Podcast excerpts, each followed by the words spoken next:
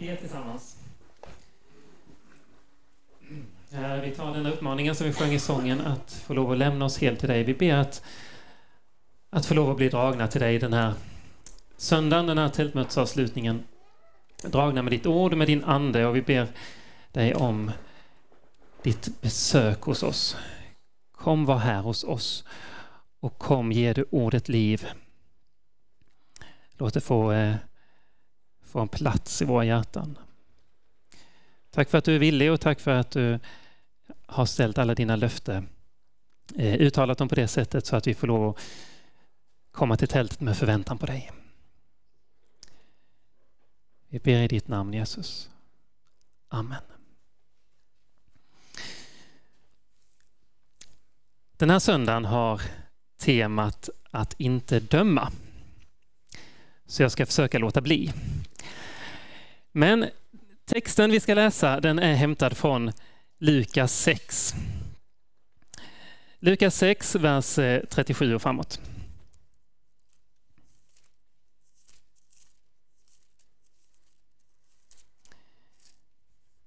Och där läser vi i Jesu namn. Var barmhärtig så som er fader är barmhärtig. Döm inte, och ni ska inte bli dömda. Fördöm inte, och ni ska inte bli fördömda. Förlåt, och ni ska bli förlåtna. Ge och ni ska få. Ett gott mått, packat, skakat och rågat ska Gud ge er i famnen. Ty med det mått som ni mäter med ska det bli mätt upp åt er. Han gav dem också en liknelse. Kan väl en blind leda en blind? Faller då inte båda i gropen? En lärjunge är inte för mer än sin lärare och när någon har blivit fullärd blir han som sin lärare. Varför ser du flisan i din broders öga men märker inte bjälken i ditt eget öga? Hur kan du säga till din broder Broder, låt mig ta bort flisan ur ditt öga när du inte ser bjälken i ditt eget öga. Du hycklare. Ta först bort bjälken ur ditt eget öga. Då kommer du att se så klart att du kan ta bort flisan ur din broders öga. Amen. Den text med fyra kända satser. Döm inte, så ska du inte bli dömd. Fördöm inte, så ska du inte bli fördömd. Och förlåt, och ni ska bli förlåtna. Och ge, och ni ska få. Det här är ju visdomsord som många människor så blir glada över att höra. Man tycker att det är, det är vackert. Vi vill präglas av tolerans och då passar sådana här ord väldigt bra.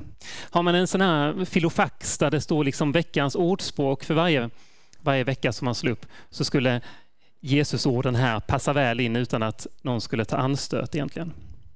Och så ännu bättre det här som älskas att citeras. Varför ser du flisan i din broders öga men märker inte bjälken i ditt eget öga? Med det citatet kan man ju liksom platta till vilken argumentation som helst. Vad har du egentligen att säga in i mitt liv? Du som döljer vad som finns på dina skumma bakgårdar egentligen. Det har du inte berättat. Ta bort bjälken ur ditt eget öga först innan du petar i mitt. Och när vi kommer till sådana här bibeltexter som vi tänker att det här är väl några självklarheter, ingen provoceras, ingen tar notis, så vet vi att då finns det något djupare i detta. Som det första ögats naivitet bara går förbi. För om vi lyfter på denna frågan så finns det ett budskap till oss allihop som berör oss på djupet. För att ta ett konkret exempel så har jag valt att även använda en annan bibeltext. Och den ligger om man bläddrar ett blad fram i Bibeln från där vi var. Och då ska jag läsa från, från Lukas 7, vers 36 till 50 för er. Om synderskan som smorde Jesu fötter. Så det blir alltså ytterligare en text idag och den eh, använder jag för att exemplifiera och sen komma tillbaks till den första texten. I Lukas 7 står det en av fariseerna bjöd hem Jesus på en måltid och han gick till honom och lade sig till bords. Nu fanns i staden en kvinna som var synderska. När hon fick veta att han låg till bords i fariséns hus kom hon dit med en alabasterflaska med olja och ställde sig bakom honom vid hans fötter och grät. Och med sina tårar började hon väta hans fötter och torka dem med sitt hår och hon kysste hans fötter och smorde dem med olja. Farisén som hade bjudit in honom såg det och tänkte om den mannen vore en profet skulle han känna till vad det är för en slags kvinna som rör vid honom och att hon är en synderska. Då sa Jesus till honom Simon, jag har någonting att säga dig. Simon svarade Mästare, säg det. Jo, två män stod i skuld hos en penningutlånare. Den ena var skyldig 500 denar, den andra 50. Eftersom de inte kunde betala efterskänkte han skulden för dem båda. Vilken av dem kommer nu att älska honom mest? Simon svarade, den som fick mest efterskänkt skulle jag tro. Och Jesus sa, du har rätt. Sen vände han sig till kvinnan och sa till Simon, ser du den här kvinnan? När jag kom in i ditt hus gav du mig inte vatten till mina fötter, men hon har vett mina fötter med sina tårar och torkat dem med sitt hår. Hon gav mig inte någon hälsningskyss, men sedan jag kom in har hon inte upphört att kyssa mina fötter. Du smorde inte mitt huvud med olja, men hon har smort mina fötter med balsam. Därför säger jag dig, hon har fått förlåtelse för sina många synder. Det är därför hon visar så stor kärlek. Men den som har fått lite förlåtet älskar lite. Sen sa han till honom, henne. Han sa till henne, dina synder är förlåtna. Och då började de andra bordsgästerna fråga sig, vem är den här mannen som till och med förlåter synder? Men Jesus sa till kvinnan, din tro har frälst dig. Gå i frid. Först får vi veta hur Jesus möter en synderska. För om man lever i en sån här hederskultur som de gör och som vi gör mycket mer än vad vi är medvetna om egentligen, så är det så att man alltid försöker vara i rätt sällskap. Man försöker eh, visa att, eh, att man är en hederlig människa, att man har ett, ett värde och man, ehm, man försöker få människor till att förstå att jag är redig på alla sätt. Pratar jag med någon som, som samhället föraktar så eh, vill jag gärna att omgivningen liksom ska uppfatta genom mina små vinkar och signaler att eh, jag är inte som den utan jag är snarare en sån här som ja, men lite kärleksfullt försöker ta hand om denna människan eller som kanske är socialarbetaranställd eller som är lite extra kärleksfull och därför är jag nu liksom i, i sammanhanget med den här människan. Jag hoppas att ni förstår det. Det är liksom hederskulturens sätt att hela tiden sända signaler och börjar vi studera oss själva så håller vi på med sånt mycket mer än vad vi är medvetna om. Det kan se ut som att jag är som den men jag vill visa att det är jag inte. Jag är någonting bättre. Vi är specialister på att uttrycka det. Vi använder kläder i olika sammanhang, vi har kommentarer och små subtila hintar så att sällskapet ska förstå. Om någon bryter mot de sociala normerna så kan vi kommentera att ja, jag, eh, jag hjälper till lite här så gott jag kan. Och nu så kommer det en synderska till det här och de sociala koderna blir spännande att läsa av. Kanske är hon en, eh, en prostituerad, för i alla fall benämns det som en, en synd som är allmänt känd och hon är synderskan. Och hon börjar gråta och tvätta Jesu fötter och torka dem med sitt hår. Det är liksom en sensuellt, det är känslosamt, det är tillbedjan. En kvinna här som bryter mot många av koderna. Att så här gör man inte i en farisees hus. Hon har kanske bett till många män tidigare att få lov att känna sig älskad. Be till någon man att fortsätt stanna kvar hos mig, var trogen mig, älska mig som den jag är, svik inte mig. Och nu så sätter hon sitt hopp till Jesus. Och frågan är, kommer nu Jesus att vara ännu en av männen i raden i hennes liv som kommer att svika henne och sen dra vidare? Men när detta händer så låter Jesus den här scenen bara fortsätta. Vi vet inte om de börjat äta, vi vet inte om samtalet är igång ännu. Men att bli fottvättad och nergråten och torkad med hår antagligen så är det inte så lätt att koncentrera sig på någonting annat. Det skulle vara ganska lätt att dra undan fötterna. Men han låter det hända. Han ser på henne och alla i rummet är medvetna om hur opassande detta är. Och utan att Jesus behöver säga ett ord, genom att bara fortsätta låta detta hända, så kommunicerar han jag skäms inte för denna kvinnan. Jag skäms inte för att vara i närheten av henne. Sen så omtalar han henne med en, tydlig uppmuntran som bekräftar henne som, som att hon skulle vara den största av alla på detta att kunna älska och bevisa sin kärlek. Han talar inte först till henne utan han börjar med att tala om henne och så berättar han detta på ett hedervärt sätt så att alla ska förstå att här har vi en fantastisk kvinna. Och så vänder han sig till henne och säger dina synder är förlåtna.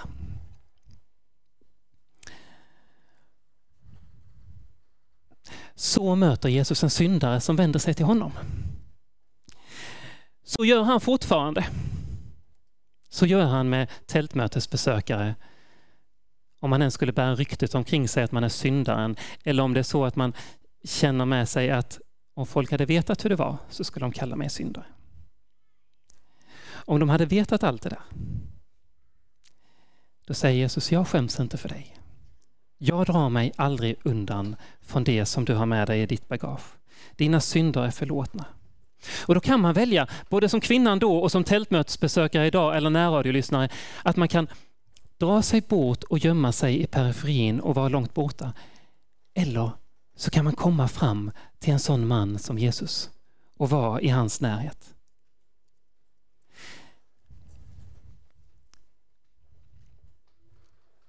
Antingen så kommer man till Jesus för att man liksom har det så bra så man behöver inte skämmas för någonting. Eller så kommer man till Jesus för att man behöver honom.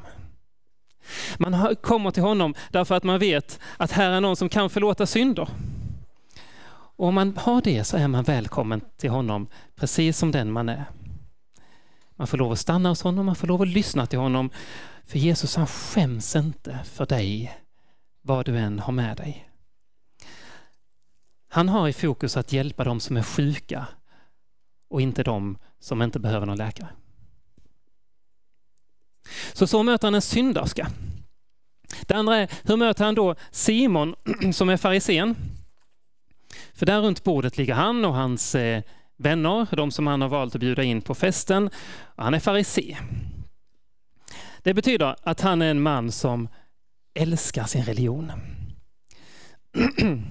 Och han tar den väldigt seriöst. Allt vad han har med sig, det har kostat honom mycket möda. Han har uppnått en status.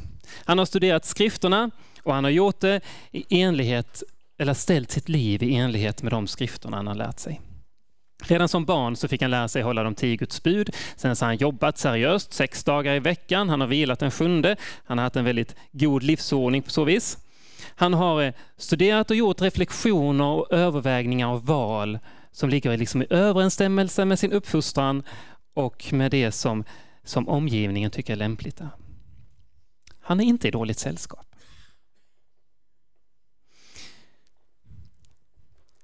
Han har antagligen burit med samma det han fick lära sig i sin barndom, där han gett vidare till sina egna barn.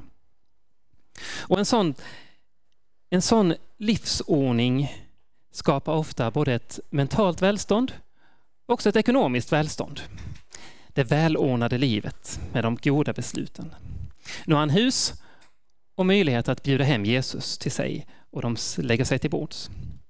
Och nu vet ju Simon, precis som alla andra vet, att här ligger en synderska till bords. Alla vet vem hon är. Ingen vill att deras tonårsdöttrar ska ta intryck av henne. Ingen vill att deras unga män ska gå till henne och ingen vill heller att de äldre männen ska gå till henne. För några år sedan, innan jag flyttade till Örkelljunga, så jag kom från Bjärnum och så körde man genom Röket till Bjärnum. Och så var det ett gult hus längs byvägen i Röke som det stod Tjuvhuset på. Då visste alla att där bodde tjuvarna. Det var de som eh, gjorde bygden osäker. Det var de som gjorde att man satte nya lås på sina uthus och installerade larm i hemmen. Det var de som gjorde att man hade organiserat ett, en eh, byagarde som körde runt med bilar med stora strålkastare på och som man skänkte pengar till drivmedlet för att de skulle köra runt och liksom kartlägga var tjuvarna gjorde inbrott. Och ändå fick man inte fast dem på, på lång tid. Man visste precis vilka det var, men det tog lång tid innan de blev lagförda. Och så hade då någon klottrat tjuvhuset utanpå det gula huset. Så kan det ibland vara både i Örkelljunga och Eket och lite varstans. kan vi berätta om Röke, för de har ju då sluppit det här sedan ett tag tillbaka, så jag vet inte vad som hände med de männen.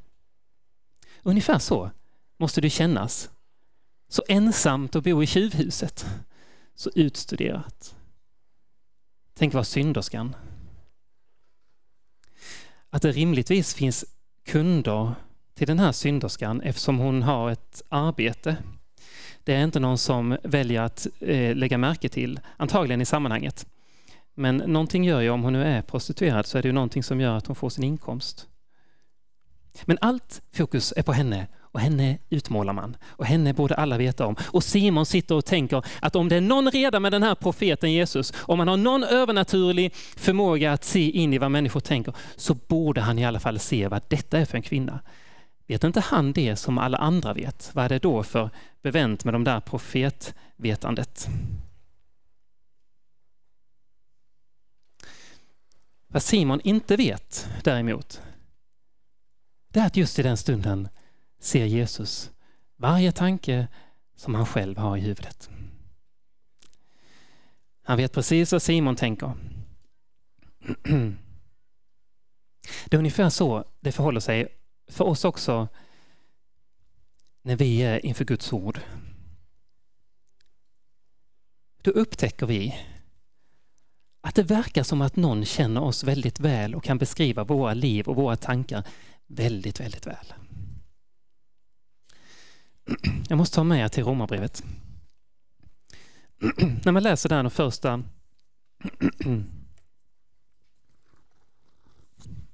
första kapitlet i Romarbrevet så finns det en massa uppräkningar över förfärliga saker. Först så avslöjas det liksom att Guds vrede den upptänds över all orättfärdighet hos människor som i orättfärdighet undertrycker sanningen. Sen så blir det då personligt. Så säger han att, att människan som allihop vet med den allmänna uppenbarelsen och det sunda förnuftet vet att det måste finnas en, en skapare som håller världen i ordning och som dessutom är moraliskt ansvarsutkrävande. Det kan, det kan alla människor förstå eftersom det är så alla religiösa människor fungerar. Men istället för att liksom böja sig inför den vetskapen att det finns en Gud så har människan gjort sig avbilder. För då tänker de att om vi har avgudar och avbilder så kan vi få eh, lycka på ett annat sätt, vi kan nå framgång på ett annat sätt och vi kan framförallt slippa den här guden som presenteras i Bibeln. Så de gör sina egna föreställningar och de gör det som är emot naturen. De tänker att om Gud finns och vet alltihop, men jag är en människa, så skulle jag gärna vilja ta Guds plats och själv få vara med och bestämma vad som är rätt och fel. Och så har Gud skapat oss fantastiskt. Så här, sexualiteten som är något helt fantastiskt. När människan själv vill styra över den så har den blivit något sårande och något som följs av olycka när den inte får lov att hållas inom ramarna. Och vi kan fortsätta läsa och så skakar det här om varje gång man läser Romarbrevet 1. Det här stöter sig verkligen med vårt samhälle. Trots att alla föräldrar som jag har mött försöker säga till sina barn, uppför dig ordentligt, säg förlåt, var trevlig, så finns det ändå citat, ondska, girighet, elakhet, avund, stridslystnad, svek och illvilja. Och så nu, nu, nu läste jag liksom orden här för Romarbrevet. Och så tänker vi att varför är det så i vårt land och i vår värld?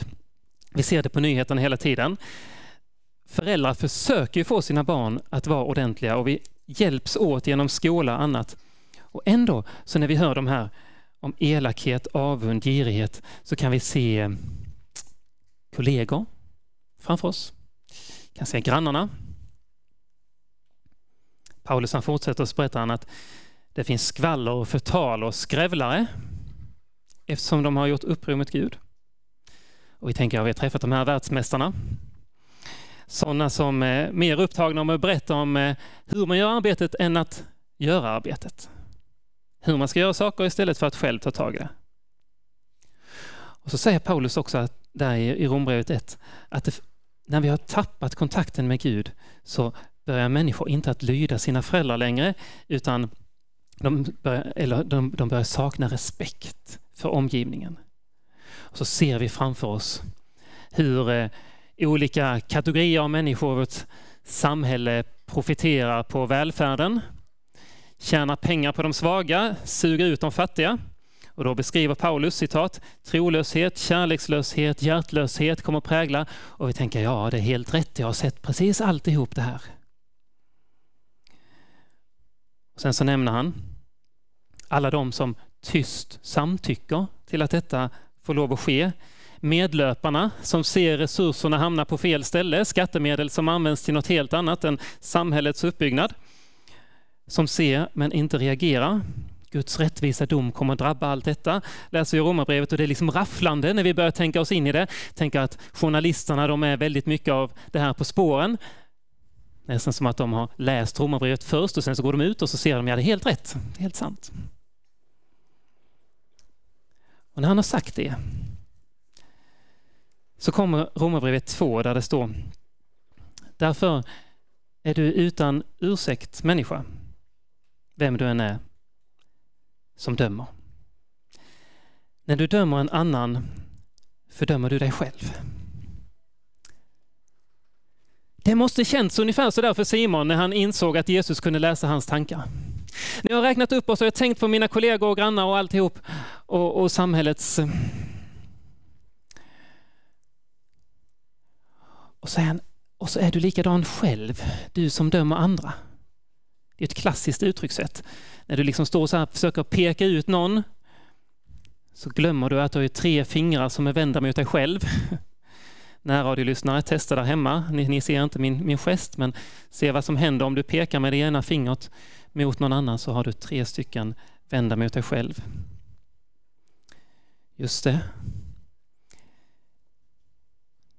Om det var Gud och det var människan och så tyckte vi att de eländes människor som försöker vara Gud och bestämma själv, det går ju inte för Gud är ju, är ju överst. Då måste ju den, den goda människan liksom döma dem som försöker göra sig till Gud. Och så har jag då försökt ta Guds plats och så har jag själv ställt mig i precis samma dåliga läge. Jag försökte vara Gud. Jag försökte bestämma och tro att jag var bättre och försöka uttala någonting som är lika djupt rotat i mig, att jag skulle vilja vara Gud. Från eh, kapitel 2 igen. Menar du att du skulle kunna komma undan Guds dom, du människa, när du dömer dem som handlar så och själv gör på samma sätt? Eller föraktar du hans stora godhet, mildhet och tålamod och förstår inte att det är hans godhet som för dig till omvändelse? Föraktar du Guds godhet? Det är den frågan som, som Jesus ställer till Simon. Föraktar du Gud och hans godhet så, så att du inte tror att du själv har någon nytta av det? Utan du tror att du är på en helt annan nivå, en helt annan pedestal över denna kvinnan. Och så tar han berättelsen om två människor som står i skuld. Och den som då får efterskänkt 500 denarer skulle vara lyckligare än den som får 50 denarer efterskänkt. Och det är ju klart, det kan även Simon förstå, att den som får mest efterskänkt älsk, älskar mest. Är det så vi tänker med människor också? Om det skulle ligga en utslagen människa på knä i världens djupaste gruvschakt och vara liksom det vi anser mest eländigt. Och vi skulle ställa en annan människa i all sin välfärd och all sin lyckade roll på Mount Everests topp. Och båda två skulle ropa till Gud. Skulle Gud liksom bry sig om då vem som är högst eller lägst. Vem har närmast till solen egentligen? Är det faktiskt helt ointressant vem som har närmast till solen om det står en på bergstoppen och det står en i gruvschaktet. De har oändligt långt båda två. Och där är människorna. Den bästa farisén, den bästa kristne eller den som vi då skulle uttrycka som syndare ibland oss. Inför Gud är vi lika. Inför Gud behöver vi alla be om nåd. Inför Gud är inte rangordningen intressant. Jesus han, Simons ställning där över kvinnan, det fascinerar inte Jesus. Jesus han, eh, han är intresserad av något helt annat. Han, han är intresserad av den upplevelse som Simon och som kvinnan bär med sig. Den självinsikt som de här människorna bär med sig, det är intressant i samtalet som Jesus har med dem. Vem har förstått egentligen att man behöver Jesus? Vilka av oss har egentligen förstått att vi behöver Jesus? Vilka av oss har förstått att vi behöver syndernas förlåtelse? Eller en, en annan intressant fråga. Hur mycket, hur mycket behöver du egentligen Jesus i ditt liv? Ibland ställer vi den frågan till eleverna på Strandhem när de kommer. Från eh, liksom hemmets trygghet. De har eh, kanske det ordnat då för sig med, med bidrag och med föräldrar som stöttar. De eh, ska flytta hemifrån och de ska ta sina första steg. Ha ett kristet, liksom tryggheten i, i, i familjen, tryggheten i kanske ett kristet sammanhang om de kommer därifrån. Kanske då ett sammanhang också som inte har ställt dem så ofta på eh, den yttersta kanten så här att man ska bekänna sin tro eller eh, argumentera för sin tro kanske har sluppit att göra det hela skoltiden egentligen, för det har inte varit så att man har ställt sig i den situationen att, att eh, man ska bli otrygg och behöva försvara sin tro. Så har vi frågat många gånger, hur mycket behöver du Jesus egentligen? Hur ofta har det varit en situation i ditt liv när du behöver ropa till honom om hjälp? För vi är ju ofta som Simon, med trygghetssystem, med kontaktnät, med kontroll, men när har vi en situation när vi behöver Jesus? Hur ofta behöver man be Gud och människor om hjälp egentligen för att man inte klarar det själv i vår tid? Hur ofta behöver man be Gud och människor om förlåtelse? Eftersom vi har ett sådant samhälle som fungerar så väl att leva var och en själv för sig på sitt eget sätt. Är det under vår värdighet att be om hjälp, under vår värdighet att be om vägledning. Alltså jag menar den här frågan på riktigt till oss. När ställde du dig senast rådvill inför Gud med en fråga? Kan du påminna dig om en situation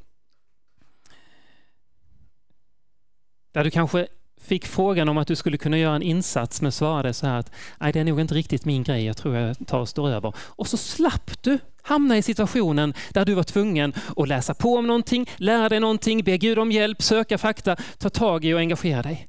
Men du sa, nej det är nog inte riktigt min grej. Så slapp du alltihop och så kunde du vara en självständig och fri människa igen. Det är enklast så. Och så slapp du gå till Jesus och be om hjälp. Slapp leva med människor som gjorde att du behövde visa dina dåliga sidor. Slapp leva tillsammans med människor så att du var tvungen att be om förlåtelse. Här är två helt olika människor. Här är en kvinna som behöver Jesus. Och så finns det en Simon som inte behöver Jesus. Simon han lever säkert ett liv som, som på så många sätt är förebildligt. Det ordentliga livet. Vi älskar det ordentliga livet som ideal. När det ordentliga livet blir ideal istället för att livet med Gud blir ideal, då är det ordentliga livet en avgud som hindrar oss från att komma till Gud. Det är så väl avvägt, anpassat för medelklassen, för den kristne, för den religiöse, men det är nyckfull avgud. Vi har mycket gemensamt med Simon. Alltså vad behöver vi honom till egentligen, den här Jesus? Och när Jesus han då ställer den den retoriska frågan där om vem som är mest tacksam, den som har 500 denar efterskänkt eller den som fått 50, så är liksom svaret givet. Det är ju en retorisk fråga. Men då vänder sig Jesus till kvinnan. Jag tror Simon blir ganska överraskad. Vänder sig till kvinnan och så berättar han hur uppenbart alltihop syntes när han kom in i huset. Den ena tvättade hans fötter, den andra gjorde inte det. Den andra välkomnade, den andra gjorde inte det. Den ena längtade, den andra längtade inte. Den ena ville bara ställa kluriga frågor medan den andra ville lyssna. Det fanns en som behövde Jesus mer. Och så får Simon höra när Jesus vänder sig till kvinnan och säger till henne Dina synder är förlåtna, din tro har frälst dig. Gå i frid. Undrar om Simon hade hört de orden själv, om Jesus hade sagt till Simon, dina synder är dig förlåtna. Hur hade han reagerat? Antingen sådär, mm, det är ju så det brukar sägas i gudstjänster, jag kan ta det. Eller så hade han antagligen blivit ganska irriterad på vad är det för en synd som han egentligen menar att jag behöver ha förlåten? Det är en förolämpning att komma här och uttala syndernas förlåtelse över mig egentligen. Jag har ju det välordnade livet. Jag är farisé.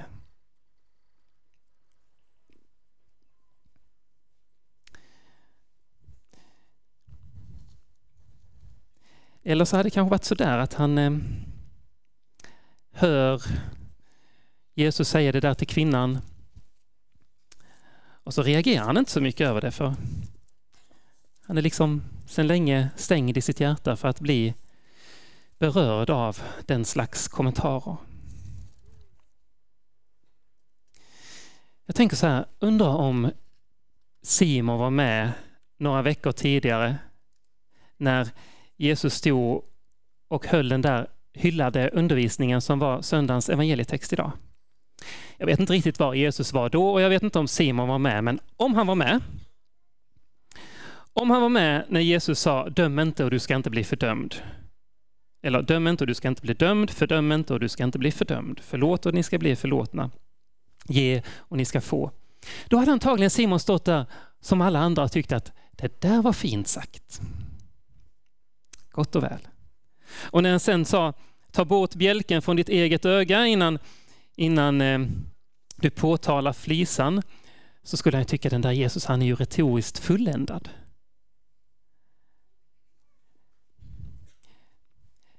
Om man hade stått där för några veckor sedan och hört detta och tyckt att det där var helt eh, ljuvligt.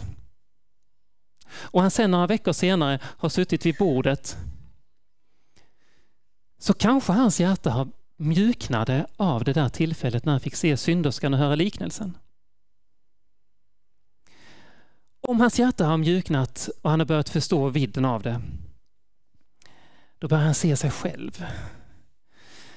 Då har han börjat förstå att det finns någonting hos honom som var kanske till och med värre än kvinnan. Vem var jag som försökte ta Guds plats och döma min omgivning? Är jag den som har föraktat Guds godhet på det sättet så att jag hade rätt att ställa mig över och peka finger mot andra och uttrycka det?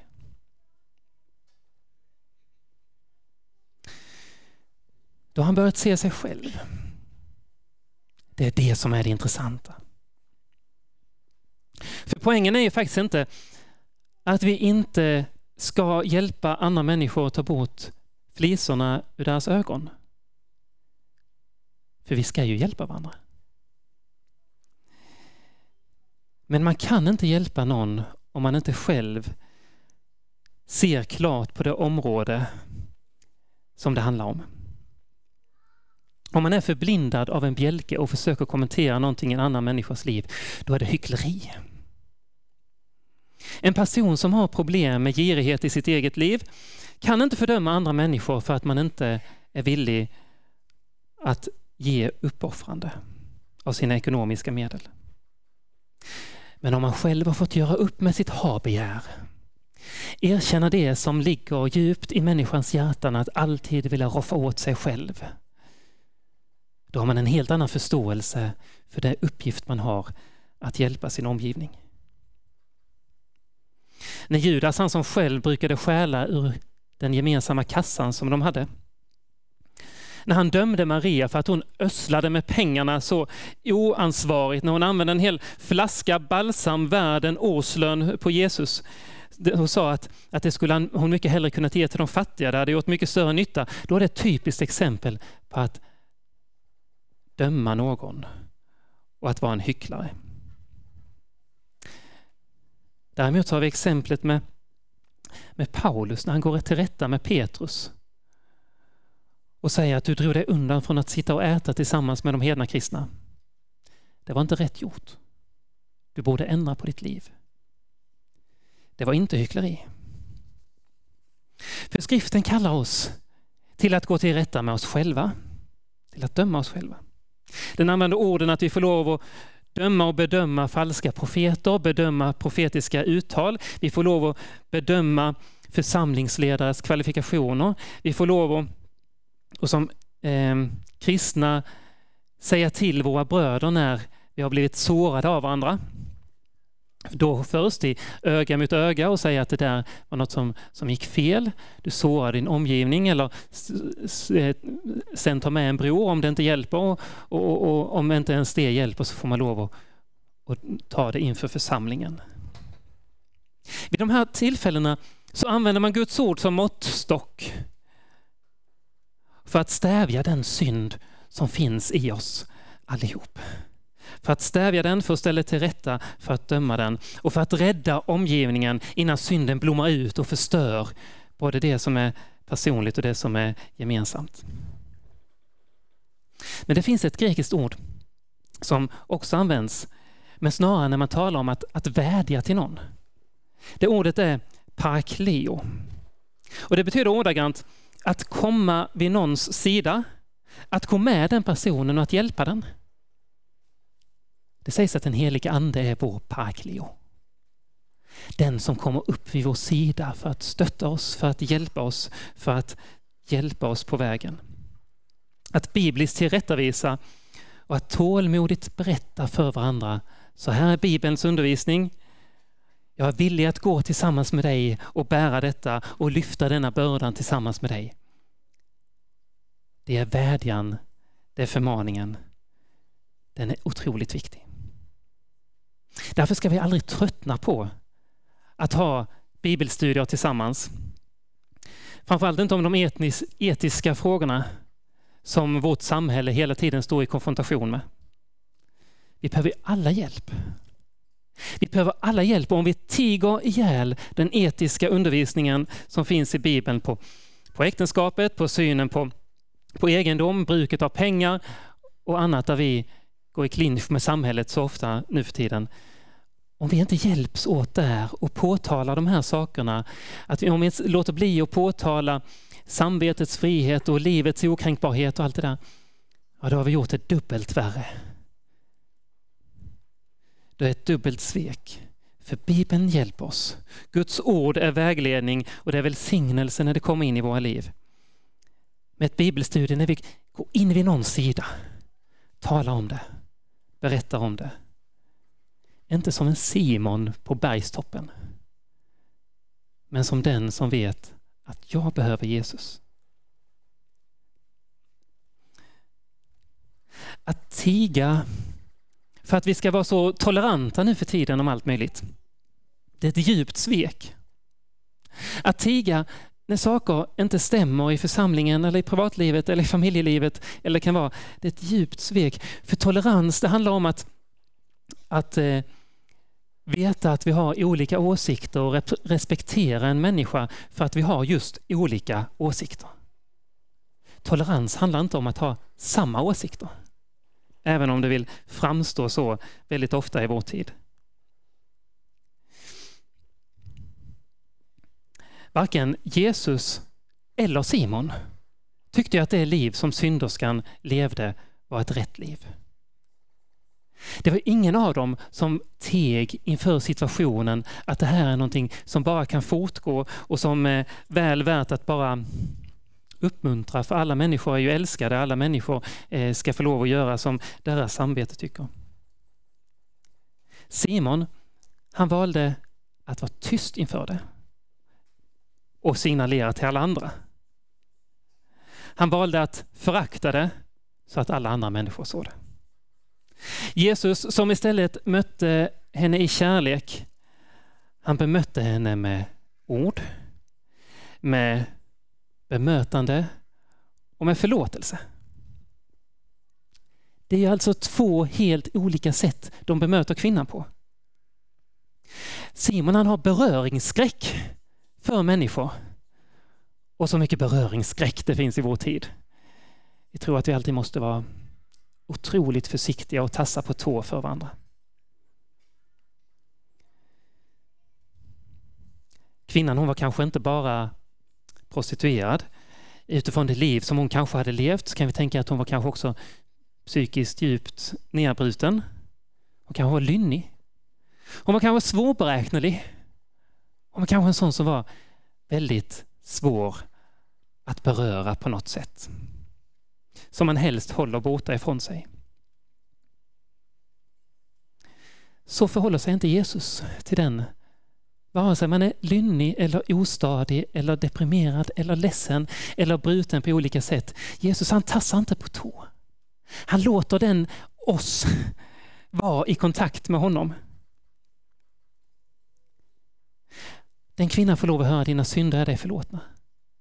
Om Simon skulle börja se sig själv så skulle han också få höra orden dina synder är dig förlåtna. Och han med hela sitt liv, med sin välfärd, han skulle kunna bli ett fantastiskt redskap i Guds rike. Om han började våga se sig själv.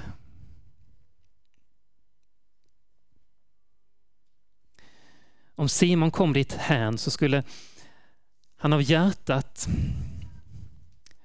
istället med förakt. Av hjärtat så skulle han få lov att höra orden ge och ni ska få. Jesus skulle säga till honom ge och du ska få ett gott mått, packat, skakat, rågat och Gud ska ge dig det i famnen. Sån är Gud, all nåds Gud. Den som behöver hjälp blir inte bortvisad. Den ska han ge, inte bara det de ber om, utan han ska ge mer. Har ni bakat en sockerkaka så vet ni att mjölet i sockerkakan ska vara liksom fluffigt i decilitersmåttet så att det blir lagom mycket. Om Gud ska mäta upp med ett decilitersmått och ta nåd in i vårt bakverk, då skulle han ta det och så skulle han tumma på det så att det blir liksom packat ordentligt. Han skulle skaka det och han skulle toppa det. Hans nåd är aldrig lagom, hans nåd är alltid överflöd. Han skulle trycka i så mycket det går, han skulle toppa det, det skulle flyta över. Han skulle räcka det till just den som tror att man inte är värd det, men som behöver Jesus. Sån är han. Han säger aldrig att lagom är bäst. Han säger att full upprättelse, full glädje, nytt mod, det är det enda som räknas och det är det jag vill ge dig. Han säger att den som tar emot ett barn tar emot mig. Han säger i brevbrevet att vi ska visa varandra gästfrihet, för så har många fått ta emot änglar i sina hem. Gamla testamentet leder oss hela tiden genom det här att värna den faderlösa, änkan och främlingen. Det råkar ju vara några av dem som vi känner beröringsskräck för. Men att praktisera detta i vårt liv, det kommer innebära några saker. Jo, det kommer innebära att du kommer behöva Jesus. Det kommer innebära att du kommer behöva ropa till honom otroligt mycket när tålamodet tryter hos dig. Att vara tillsammans med en lynnig, psykiskt sjuk eller bara några svåra barn, kanske de som man själv har fått till världen, innebär att man kan behöva väldigt mycket av Jesus. Du kommer vara tvungen att se dina egna brister, du kommer vara tvungen att behöva be om förlåtelse när främlingen, den faderlösa och änkan behöver dig. Och då kvarstår löftet från Jesus till dig. Förlåt och du kommer bli förlåten. Ge och du ska få ett gott mått.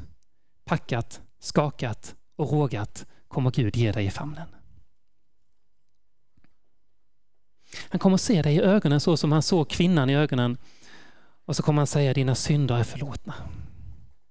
Gå i frid och fördöm inte mer. Gå med mig.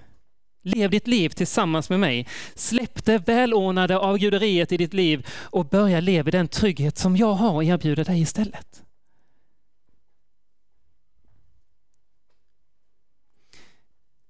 När Herren kallar, lyssna då. Ska vi be. Herre, dina löften är sanna. Du ser varje tanke. Du hör varje suck. Du känner den föraktet som bor i våra hjärtan. Du vet vad vi har tänkt den här dagen. Du vet vad vi har tänkt under mötet.